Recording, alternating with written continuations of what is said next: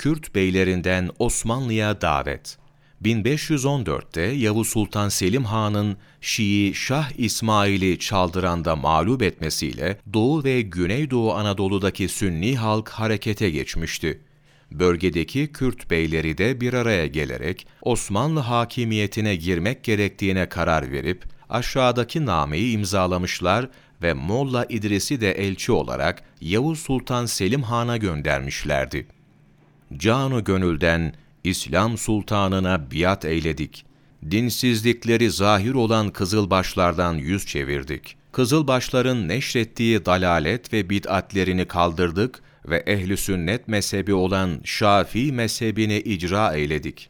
İslam sultanının namıyla şeref bulduk ve hutbelerde dört halifenin ismini anmaya başladık.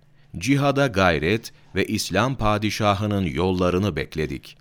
Duyduk ki Padişah Dulkadir eyaletine gitmiş. Bunun üzerine biz de Mevlana İdris'i makamınıza gönderdik.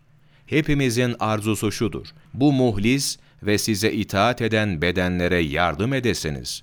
Bizim beldelerimiz Kızılbaş diyarına yakındır, komşudur ve hatta karışıktır.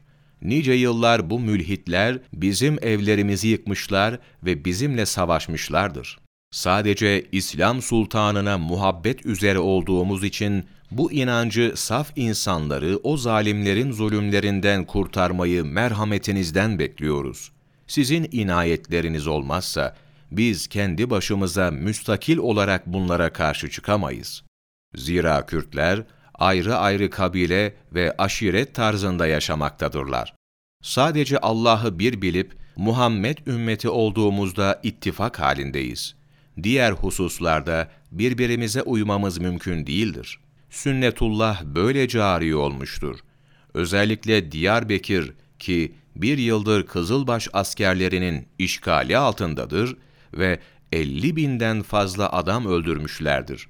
Eğer padişahın yardımı bu Müslümanlara yetişirse hem uhrevi sevap ve hem de dünyevi faydalar elde edeceği muhakkaktır.